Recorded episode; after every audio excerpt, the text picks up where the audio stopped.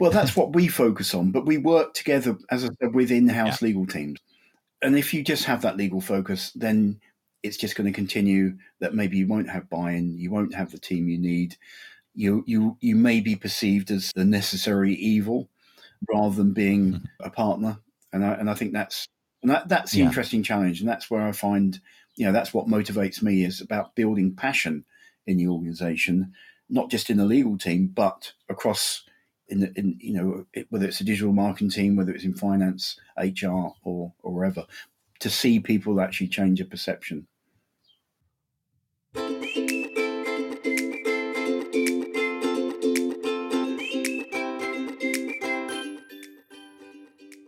Du lytter til Privacy League, programmet fra Wired Relations, hvor vi taler om GDPR informationssikkerhed. Jeg hedder Jakob Hyl Larsen, og i dag taler jeg på engelsk med Tim Clemens fra Purpose and Means om, hvordan privacy kan gå fra at være et nødvendigt onde til at være en partner. Det handler om rigtig meget af det, som du garanteret sidder og bokser med som øh, databeskyttelsesprofessionel. Øh,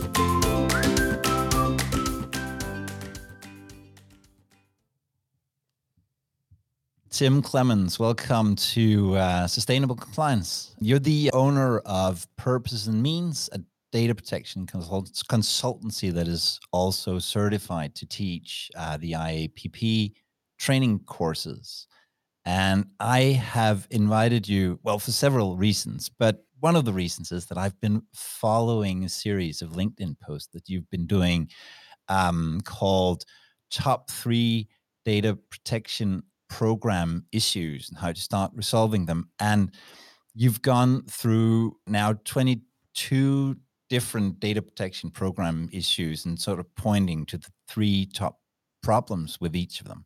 So being prepared for audits, templates, being a lone army, all of the problems and, and, and issues that we all deal with. So, but I was wondering if you look at all of this from from above, if you should point to three things that recur or are sort of prevalent in many of these issues, what would what would that be? Yeah, I mean, firstly, you, you've seen 22 of them, Jacob. I'm not finished yet. I mean, I've got quite a few more up my sleeve. Um, but I think generally, if you were to kind of pinpoint and you know some of the you know because what I'm what I cover is sometimes the symptoms of deeper problems, and I think some of the deeper problems stems from, for example, the fact that in many companies data protection is perceived as a, a pure legal issue and of course that's mm. that's extremely important. I'm not denying it, and of course the goal of any organisation is uh, is to be compliant with applicable laws and regulations. But my take on it is yes, that's important, but we re- really also need to be focused on on the people aspect, and we need to pay as much mm-hmm. attention, if not more, to people. When I'm talking about employees, I'm talking about top management, I'm talking about the people we really do depend upon to to make data protection come to life, make it living and breathing in organizations. So so that's one area. It's about changing changing the mm-hmm. perception. Mm-hmm. The second area is, is it's and it's coupled. I mean, it's this is all linked together. I think is that data protection mm. is a team sport, and we need to bring yeah. a multitude of competencies to the table not all at the same time, but we need to know when to bring in uh, different competencies. I equate it, it's like football, you know, and if you have like a team of hmm. lawyers playing football, it's like having a team, a team of goalkeepers on the field. You may be able to defend the goal, but in hmm. terms of attacking and succeeding and you know achieving business objectives you may struggle so it's positional and we need to identify all the different positions what skills are required so I think the team sport aspect is also important. And the other part, again, I think it all hangs together, and that is about you know making it easy for people to work with the concepts that we're putting in place. So making it easy for employees to live up to the sometimes abstract legal requirements or the abstract statements that you might may find in policies, making it easy for for management to understand why this is important, but also making it easy for them in whatever decision making they need to be involved in. Of course, they can make and break a data protection program. And of course, making it easy mm. for the people whose data is being processed about themselves, you know, the, the data subjects, the individuals. So making it easy for them to exercise their rights, making it easy for them to understand what's in, in you know involved. And here, and I think it, goes back to the, perhaps the first point that we currently have a lot of kind of legal based solutions addressing legal requirements. And uh, again, it's about bringing bring make you know making it an experience and focusing on that experience mm. for data subjects, making a very focused experience for employees, for management. So, and that's what you know, purpose and means we, we try to focus on is that overall experience for the multitude of stakeholders. So I think we, we try to do things slightly differently to the yeah. big consultancies, certainly very different to to a law firm. I mean, what we t- we tend to do is when we when we're consulting with clients is we work together with the in-house legal team. I mean, it's an in-house legal team that tends to bring us in or you know request our services, and we act as a bridge between the in-house legal department and the rest of the organization, and bring in uh, yeah. more kind of business consulting, communications, and so on. What would be an example of going from a legal solution to a people experience solution? Can you give a con- concrete example? Um, yeah, I think I mean there's there's there's several. I mean we have these kind of legacy mechanisms, if you like, and probably the privacy notice that we often see on the on the website or in an app is a, is a good mm-hmm. example in the yeah. sense that you know it tends to be a very uh, lengthy document written often in very strong legal language or technical jargon. But we need to remember yeah. it's it's focused on the target audience are individuals whose data is to be processed by the organization. So that's it's kind of yeah. I, th- I think there's a lot of clunkiness currently in data protection in the sense that we have these very yeah. clunky solutions. Cookie banners is a, is another example. The consent mechanisms. Yeah, it doesn't enhance the overall experience for uh, for users, and I would say it also you know doesn't help employees understand what they need to do either. So I think it requires yeah. some other skills, and I mean what I see in in certainly in many of the the larger companies and certainly in the big tech companies is the emergence of privacy engineering. Uh, which I know, you know, is mm. coming. A, a, lot is coming out from the US at the moment. A lot coming out from NIST. I, I have a few privacy engineers in my network, and from my perspective, it's quite a creative role. It's about understanding mm. how you can take a, an abstract legal requirement, but then you know bring it to life, make it you know implement it in a way that not just fulfills the legal requirement, but but makes it meaningful yeah. to the person who is going to be interacting with with that, you know, be it a, a, privacy notice or a consent mechanism. So I'd like to dive into the skills in a moment. I just want to dig a little bit deeper into the issues because I think you're very spot on on the privacy notices and the and the cookie banners, which are often more cover my arse, as we called it in. Uh, when I when I was studying law documents than than actually communicating to people. So I think that's a good, those are good examples. Um, I was actually thinking about how I would answer this question myself. What are the top issues? And I I came up with mindset, which is basically we are data protection is not a legal exercise, and collaboration we need to be able to collaborate more. So I think you you and I are pretty much on the same page yeah. there. Yeah, yeah. I think, and, and I think generally, Jacob, it, it means that there's so much room for improvement. There's so much opportunities mm. to improve. So, you know, d- data yeah. protection is a challenging profession, I think, to work within. Not least because of the constant change from from a legal perspective, and the constant change from a technological yeah. perspective. But I see it as a huge kind of canvas for data protection professionals to, to come with improvements to make it easier for employees, yeah. to make it easier for management, make it easier overall the experience for data subjects as well. Yeah. And with with those issues. If we turn to skills, both soft and hard skills, which which skills would data protection professionals need to have to be able to make this more people like? Yeah. So I think a lot of it is around communication. A lot of it is around mm-hmm. just general business consulting, if you want to use that that type of phrase. You know, how to get people to buy in. Well, firstly, you know, having having a, a, an overall vision, or you know, changing the perception of of data protection from this legal issue to a more business friendly notion. That's going to get people to buy into it. And there's ways, you know, there's ways to do it, and a lot yeah. of it is actually, I think, you know, using some creativity as well. So a lot mm-hmm. of it is is getting people on board. A lot of it is then recognizing yeah. that we're all different in organizations and that we need to meet the employees where they are rather than expecting them to come and buy into you know data protection and all the kind of fancy terms that go go along with that. But interestingly, I mm. find you know I've benefited a lot from looking at how how, for example, do you get attention? How do you get people interested in what you're doing? And you know, I, I, looked at other sectors. So you know, to get attention, to put across ideas, to influence people.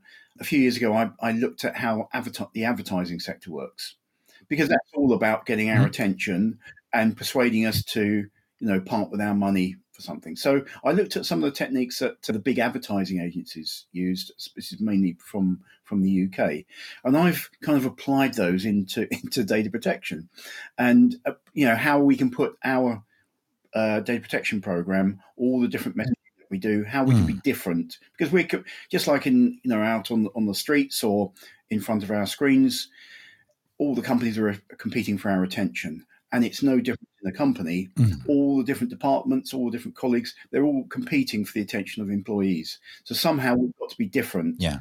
and become unavoidable, make our messaging, you know, unmissable, if you like. And there there's various techniques yeah. that we can use to do that. You know, and basically, you know, I've poached a lot of these ideas from that advertising sector, and I find I find they work, and it interesting. It makes yeah. it, it it makes it fun instead of this kind of jaded corporate approach that every presentation mm. looks the same, every message looks the same, every you know meeting runs the same. So we, there is opportunities to to kind of disrupt that a little bit. And I, I'd like to pinpoint that piece of advice is what I hear say is that we should we should also learn from other sectors, others who do well, and and and on getting attention and, and making our messages fun. That might be the advertising industry. I was i was thinking one of the one of the skills that i think you also sort of touched upon it but but one that i would say is is important is is people skills. Being able to build rapport with all of those different people that we need to work with. Way back i've been uh, coaching people and one of the things that that a coach is sort of responsible for is building rapport. And I, I and and that's also a trainable that's also a trainable skill that we could take from another industry that that you can actually there's actually ways to build rapport and create that working bond with with people. Um, that's also something we can learn from from from somewhere else. I just wanted to point to the learning from from others, especially in a new industry yeah. like ours. Oh, I, t- I totally agree. And also, you know, we need to be aware in, in you know, majority of companies, people are busy. Mm. And we've got to recognise that they don't have a great deal of time to devote to, you know, they've got their focus on on their on their day jobs. So the the easier, and I've mentioned this a few times now about making it easy, and that so, you know, it's not it's not doing their job for them, but if somebody to hmm. understand mm. some abstract legal concepts, then if you can help them yeah. by making it easy to understand by simplification techniques, for example, that's another area that I've got a lot of focus on from years ago, is you know how to simplify yeah. complex topics through could be highly visual uh, illustrations, diagrams. Just by explaining it, also makes it you know will, will simplify. So it takes yeah. time. And, and, Karen and that Tim, I just just to because now both of us have been saying that the legal issues might not be the way to go. But don't you think that when you have to explain something easily, you also need to really have a deep understanding of Absolutely. It? Yeah, you need, and, and that so, takes so, time as well. And I think, you know, as, as I've seen in your other podcasts, just mm. staying on top of what's happening, understanding the developments. Yeah. And I think, you know, in, mm. the, in the work that we also do in, uh, as a training company, we, we obviously need to understand what we're putting across. That That's obviously important. Yeah. But before you can simplify anything, you've got to understand it yourself. And it does take time, yeah. but I think it pays dividends. And I, this is something we do with clients is, you know, we'll come up with an explainer or one pager or make a very short uh, video mm. clip about a topic that otherwise may have been explained, you know, in 25 slides of bullet points, which most people haven't got the time mm. uh, to read through or, you know, it's all about making, I think, as I said, making it easy for employees. Yeah. Yeah. And um, how do you train for these things in in uh, in practice? Um, so with, with you know if we're talking about training employees i mean this is something we so you mentioned the IAPP training i mean that's on a more generic level but what we do for clients is we also come up with some very focused contextual training. So we understand how people are working in their context.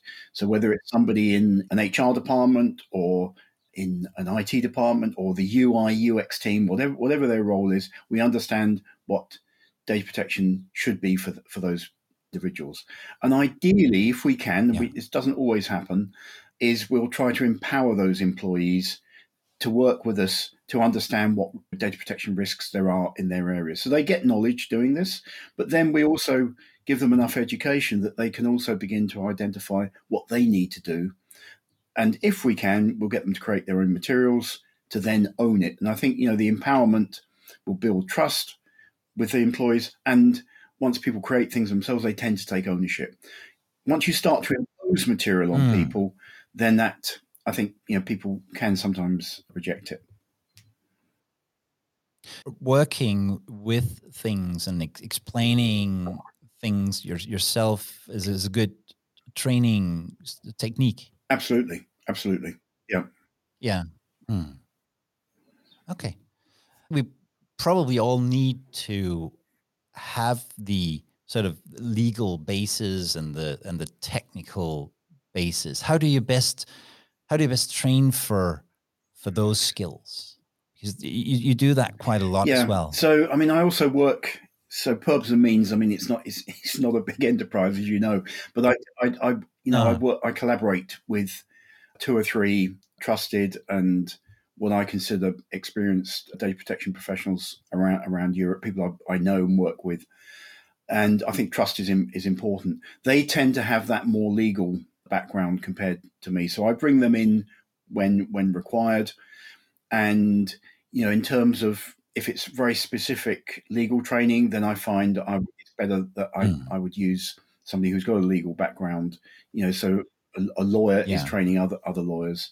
But if we're talking about more mm. operational type of training or on a, on a more technical level, then I think that's where I can bring the experience I have around you know how to operationalize uh, on a on a more practical level. So I think pragmatism is yeah. is important here rather than the theory of talking about what a company would need to do according to a specific legal requirement if you're not able to explain how this works in practice and come with you know a number of examples or war stories let's call them good and bad then i, I think yeah. i think you'll struggle yeah, and I, I think that's even has a has a term um, I once uh, came across um, some some research on learning by teaching. So basically, that you that you learn if you if you get a chance to explain yourself how to do things. I, I think that's a good way of of uh, of, of learning. Actually, um, are you most? This is something I've been sort of thinking about over the the, the past years where we've done a lot of online stuff. do you think we do, do we learn better online or offline or is, is the blend a, a great thing? What do you think about that? I think you, you can't you can't beat being in the same room with somebody and you know and picking up off you know some of the invisible aspects the you know the emotions that may not come across over a connection as we're doing today. So that to me is preferred. Yeah. But I think as as we found during the pandemic, you know, using the right tools, mm. it's entirely possible to run a workshop with a huge number of people. And this is, you know, again, this is something that's changed in the way we work. Is I mean, what I've noticed, as you know, I'm based in, in Copenhagen, and I, prior to the yeah. pandemic, most of my clients were in Denmark. After the or during the pandemic, and now, I would say 90% of my clients are outside of Denmark. And that is a, as a result of having the right tools, adapting the physical workshop materials that I previously worked with, but now bringing them into you know digital canvases, and people are used to it. And I, yeah, I mean, it, it obviously it cuts down on the travel expenses, but you can't. You know, I do miss that yeah. that in person interaction. It's also a balance between. Uh, physical closeness and getting the best mm. teacher. Mm. if if the best teacher is in Copenhagen and I'm in France, online might be better than than finding the second or third best teacher in my uh, vicinity. Yeah, I mean, I think it's it's what it's done for our for our online training is, I mean, we have people from all over the world, which is great because then you've mm. got the different perspectives, not just on a cultural level, but also on on a privacy level in terms of local legislation. But what I found is the larger the class online, the fewer questions and the you know the more webcams switched off compared to yeah. if you're standing. I mean, I, have been going for the last few years in, in, in Brussels, you know, and there could be around 50 people in the room. There, it is a completely different experience and a lot, a lot of you know passion, a lot of voices. It's a lot noisier, of course, and a lot more questions. Yeah, yeah, yeah. Right now, I talk to a lot of very qualified people. When I when I came out of, of, of law school, I had zero experience with data protection laws because, well, they told us to skip that one chapter in the book, but that's not the case anymore. So I, t- I talk to very legally and technically qualified people, but what I get from them is that they know the law and they're tech savvy. They just can't put it into practice. How do we work with that? Yeah, so I, I think that's the advantage that to certainly purpose and means brings, and uh, and I think I've been working for for quite a few decades now in large, typically large global companies, with a, a, a GRC, governance, risk and compliance, and a project program management background. So I suppose I have those tools. But I think if I was actually, if I were to pick one course that I did, and this is probably around what 25 years ago now and that was a business analysis mm-hmm. course which i did in the uk because it gave me a huge toolbox of different tools and techniques of how to slice and dice information how to interact with stakeholders how to analyze different situations and i found that those tools i can apply them in very various contexts whether it's legislation relate, you know, financial legislation or its data protection legislation. So it's around having those right tools and techniques because it's about putting, you know, insights, knowledge, and information into different categories that you can then make sense of. And that's, you know, when we look into data protection practices, a lot of it is around ensuring that you have, you know, the framework in place. And it's not just about having some beautifully written policies. I mean, that's important, but it's about making those effective.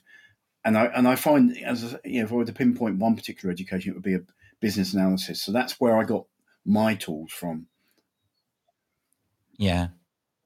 Again, from um, outside of privacy. Yeah, I mean, it was interesting, Jacob. I was, I was teaching a course in Brussels in November, and and this was an IAPP course, so there is a set syllabus which you know, course, you can bring in your own insights.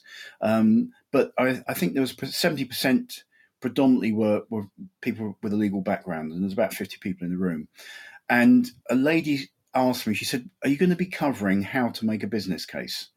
And I said, "I've got material, but it's not part of the syllabus." I briefly touched upon it, but it's those kinds of issues that legal professionals face. And if you've not you know, because they don't teach yeah. how to make a business case in in the average law school, as I understand it. They probably don't teach how to, you know, create a change management plan or a communications plan. So it's all those more, yeah. you know, orchestration skills. And I think that's you know that's yeah. something that I'm actually saving up actually to create because we create our own courses is how to make a business case mm. for for a, data protection program. And there's you know there's one thing about having a template. I mean that's that's useful, but the key is having the skills and knowledge of what you need to do to generate the content that goes into that business case. So that's something that actually we we, we will be uh, bringing out at some point this year, inspired by you know what this lady said in Brussels. Yeah, and that's so interesting. Also, because I think uh, if if we learn those skills, we'll be able to, as privacy professionals, with the data protection mindset. We'll be able to enter those processes in the in the company challenging and qualifying business plans from from marketing and other areas of the business in terms of data yeah, protection. Absolutely. I mean it can it can also be make and break for your for your program if you're not able to articulate the justification for why is needed or why additional investment is needed absolutely. or you're not able to demonstrate the return on that investment to justify why you need to maybe expand your team or invest in some other technologies to support your program, then you're going to struggle. And that's where I think, you know, mentioned the lone yeah. data protection person, they're struggling with those kinds of issues uh, on a daily basis. And that is probably the question or the frustration that I hear about the most is how do we get how to get buy-in, how to get the resources necessary to actually carry out a program that we would that we would be proud yeah. of. Yeah, I mean that's that's something yeah. we. I mean, I'm working with a client in in in Denmark at the moment, and you know we're we're formulating the strategy for data protection, and that to mm. me is an important starting point because if you don't have a strategy, you know which direction you're gonna are you going to be heading in, and what we do is we always align with the business strategy, and and you'll find in some companies the the it's more obvious than others. So in a in a company where you know, let's say it's a B two C, which this is, it's a huge retailer. There is a huge business case. What this is why they're investing in marketing technology, building their digital platform, and so on. So there's so many areas where we can identify where data protection is important. And then, you know, it's about going out, hmm. talking, sitting down, having the right conversations with the stakeholders. And these are the business stakeholders, you know, whether it's a CMO or a CDO, but having the right narrative as well. And about, again, as I you know, mentioned at the beginning, changing that perception that data protection is purely a legal issue and bringing it yeah. across that it's more of uh, enabler. I mean, I hear that word used a lot, but I think it's more, you know, that it's a collaboration really and it's two sides of the same coin. Yeah. You know, you can't, on the one hand, be happy to drive growth through the processing of data about people and then ignore the, the requirements from a data protection legal perspective. So, you know, Absolutely. and that, and that I think I find in some companies people are happy to do. So I know that anything with privacy or data protection, no, nothing to do with me. Um, and, and, the key is we've got to yeah. get people to take responsibility, and it's around coming with the right narratives, so that it, it, again, as I said, it's around communication and influence. Yeah. Um, so much more people than legal. I'm just trying to sum it up. Well, that's what we focus on, but we work together, as I said, with in-house yeah. legal teams. And if you just have that legal focus, then it's just going to continue that maybe you won't have buy-in, you won't have the team you need. You you you may be perceived as the necessary evil rather than being mm-hmm. a partner. And I, and I think that's and that, that's the yeah. interesting challenge, and that's where I find you know that's what motivates me is about building passion in the organization, not just in the legal team, but across in, the, in you know whether it's a digital marketing team, whether it's in finance, HR, or or wherever, to see people actually change a perception. I think that's a fantastic note to end on. Let's try to go from being a necessary evil to a partner that sparks passion.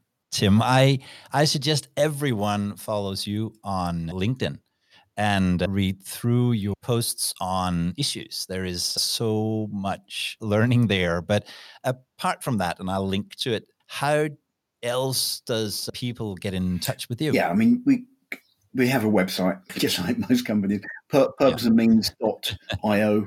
You can get an overview of what, what mm. our offerings are, what our services. We also have, you know, online booking of training and so on. Um, but you can certainly yeah. find purpose and means there, or as you said on LinkedIn, is where we tend to, uh, you know, frequent on a daily basis. Tim, I'm I'm so happy you you wanted to spend half an hour with me this morning in Copenhagen. Yeah, thank you very much, Jacob. I really appreciate the uh, invitation, and keep up the good work. You too. Thank you, Tim. Du har lyttet til Privacy League, programmet fra Wired Relations, hvor vi taler om GDPR-informationssikkerhed. Og det her var en optagelse, som i originalen er lavet til vores nye podcast på engelsk, Sustainable Compliance. Det er der, hvor vi kommer til at interviewe mennesker, som ikke nødvendigvis taler dansk, og hvor du altså kan få nogle perspektiver fra øh, uden for landets øh, grænser. Den kan du finde alle de steder, hvor du øh, ellers lytter til podcast. Du skal bare søge efter øh, Sustainable Compliance, så finder du os. Jeg håber, at vi høres ved.